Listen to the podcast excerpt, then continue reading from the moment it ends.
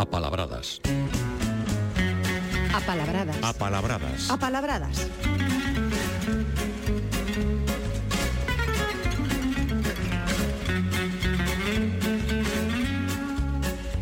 Xa me acompaña, como é habitual, Paulino Novo. Moi bons días. Que tal, bons días. Estábamos aquí, por certo, comentando, déixame que o comparta con a nosa audiencia, sobre todo cando un era máis, máis, bueno, cando era novo, novo de verdade, elevaba as palmas, eh? eh bueno, ti decíasme que na túa zona, por Meira, que non era tanto domingo de Ramos, senón sí, o día anterior, tal día pequeno, como hoxe. O sábado, sí, sí, mm. íamos con, con Ramos que a meu padre e íbamos cortar de, de Loureiro íamos, e incluso había así media competición a ver quen levaba o ramo máis grande, grande máis, que despois repartíamos en ramiños para, para que nos pedía porque eso vale despois para para, para ter nas cociñas. Unha tradición, dende logo, ben bonita, non está de máis recordar eh, esas cousas que, que sí, tamén están sí. na nosa memoria, non? Pero mm, pouco ten que ver coas palabras que nos traes hoxe, porque imos comentar a palabra fraga, que usamos como bosque ou tamén como monte. Sí, a verdade é que usamos, eh, usamos incluso mellor máis monte ou, ou bosque, e fraga o mellor menos, pero bueno, usámola tamén, non? No sentido de un terreo con moita vegetación, é moito, é moito arboredo, non? É, é unha palabra ademais galega, é do portugués tamén, aínda que aparece nos dicionarios do castelán, pero ten menor uso. Pero uh -huh. propiamente é palabra do galego e do, e do portugués. E xa tiñamos no, no galego medieval, con ese significado, un bosque espeso e tamén un lugar escarpado, con penas e con penedos, eh? porque ese é propiamente o significado da fraga. Eh, un terreo escarpado, un terreo con moita pena, e, eh, eh, por extensión, un terreo de difícil acceso, eh? polo que é difícil andar. E por extensión deste significado tamén, pois pasou a ser tamén un, un, un terreo con moita vegetación e árbores propiamente por onde non sería di, moi fácil tampouco, moi fácil camiñar. Así é como estamos pensando, por exemplo, nas fragas do eume, non? Que responden a esta definición. Responden, sí, ademais responden aos dous sentidos, porque a ese sentido moderno de con moita vegetación e con moitas árbores, e tamén as fragas do eume, ti que andaches por elas, e eu tamén, e tamén? andei por elas, Eh, ten sitios onde é difícil tamén poder poder avanzar, poder camiñar, eh? Hai que estar en bastante boa forma física, todo hai que dicilo. E eh, ter ganas de desfrutar. eh, eh, como digo, o significado originario de, da Fraga era un sitio eso, de difícil, de difícil acceso e polo que é difícil andar, porque é unha palabra que ven do latín eh, de, de fraga, que era o plural de fragum, é, é un derivado de frangre. De frangre que é romper, que é quebrar.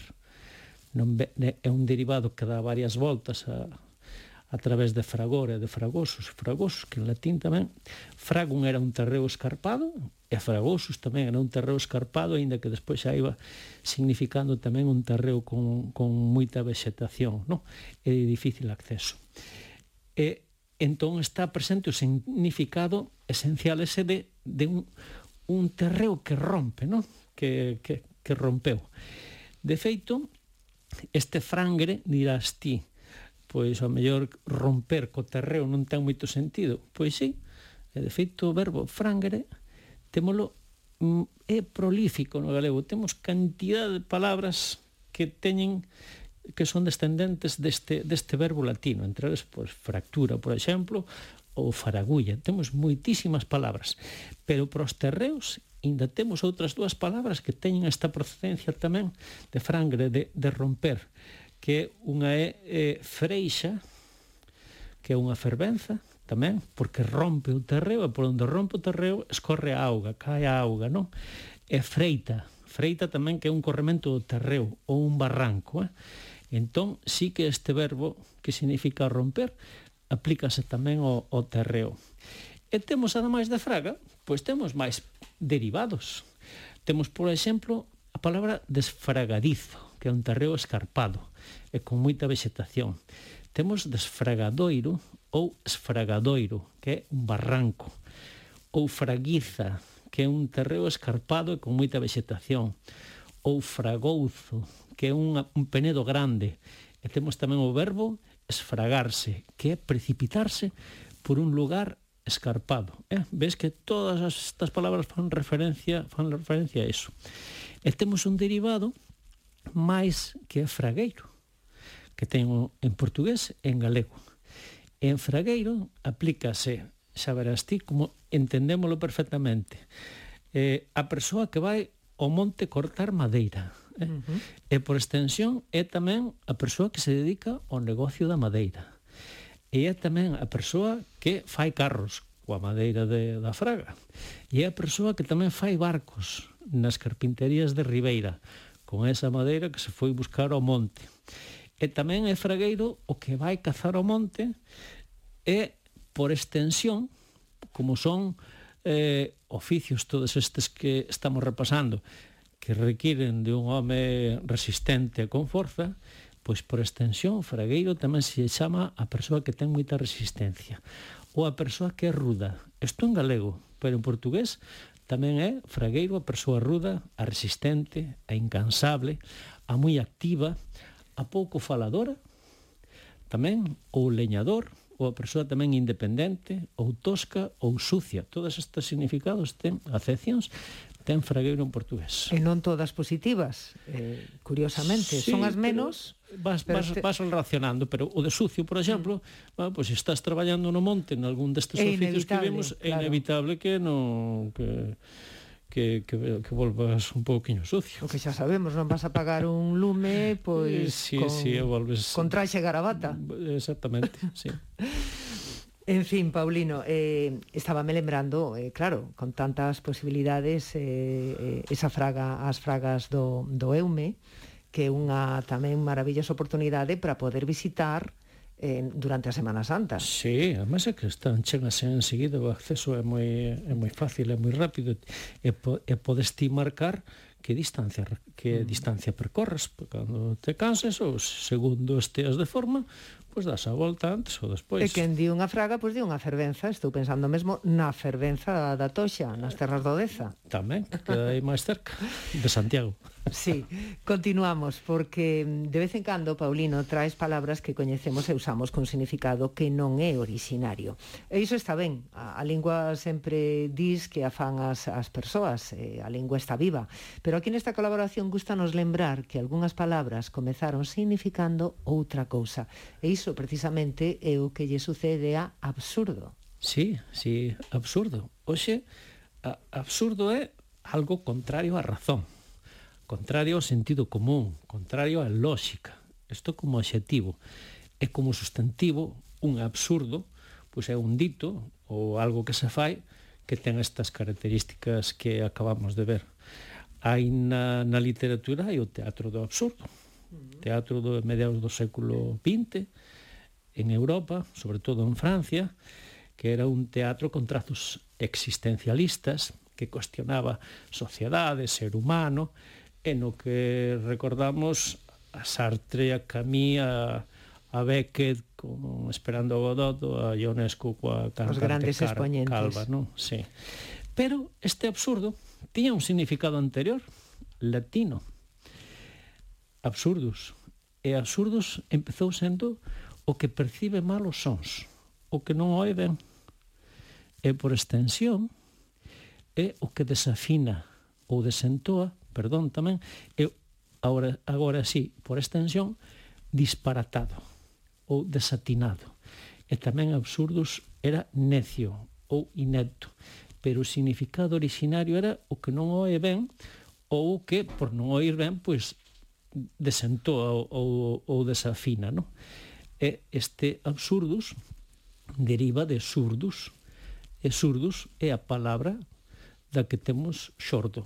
Surdus era o que non hai, o xordo da que temos mm. surdos temos hoxe xordo.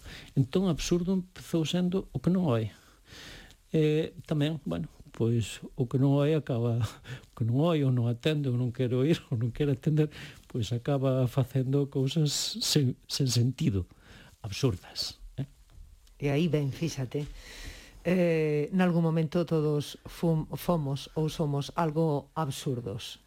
Sí, sí, eh, sí, sí, sí, que, que, que tira, que tira pedra que estea libre, sí. e para rematar, Paulino, sabes que non marchas en deixarnos unha palabra pouco usada por se alguén a querer recuperar ou para comprobar que hai moitas máis das que manexamos a diario. Oxe traes froia, A que me ten que soar? pois sí. Na, eh, bueno, a mellor non che ten que soar, non, parece que non soa nada, non. Podría, podría ter calquera significado. Pero ten unha parte da nosa cara. Esa parte carnosa e abultada o... Os mofletes. Eh, ao lado da cara, a fazula ou a meixela, que dicimos tamén en galego, fazula ou meixela. Que ás veces a meixela é un pouquiño máis para arriba, non? Pero bueno, eses lados aí carnosos que abultamos e que podemos encher de aire ou de comida se comemos moito, eses lados, a ambos lados da, da cara. Unha froia, eh? E, e tamén chamamos froia ou froieiro a persoa que ten esas fazulas abultadas por ser gordo ou polo que sexa. Ou por constitución. E tamén por extensión a persoa que come moito. E aínda por extensión do que come moito tamén a persoa a persoa gorda, eh? É unha palabra que, bueno, para quen queira enredarse coas etimoloxías eh, dá moito dá moito que facer. A palabra complexa de orixe contro, controvertida eh? é posible que este relacionada cunha palabra que teñen en portugués que é froña, saco ou froño amplo. Da primeira ben enfroñado que é disfrazado. E é posible que estea tamén relacionada e se non relacionada, influída polo menos co castelán orondo que é propiamente é oco, hinchado, aínda que despois tamén por extensión orondo en castelán acaba sendo gordo, eh? pero propiamente orondo é oco hinchado. E con ese orondo do castelán pode estar relacionado ou emparentado en algún momento ou influído o noso froia, froia, a fazula, a meixela, Pois vouche dicir unha cousa, Paulino, se todo vai ben como está previsto, aí está esa recomendación que o mellor pois eh, podemos seguir porque eh, deixaremos de eh, utilizar as máscaras no interior. Non o sabemos aínda porque depende, lóxicamente, un pouco da, da, do que decida cada, cada empresa. Pero o que quero decir é que podemos vernos as fazulas en breve. Sí, es, non é aquí dentro, porque eh, dependerá do que se decida, que de momento denos tamén bastantes bons resultados andar andar con máscara dentro da radio e da televisión, pero polo menos fora sí que xa nos poderemos un pouquiño empezar a volver as caras, a, a ver as caras. Paulino Novo, como sempre, moitas grazas. Eh, espero que goces da, da Semana Santa e dun descanso máis que merecido. Foi un placer, igualmente.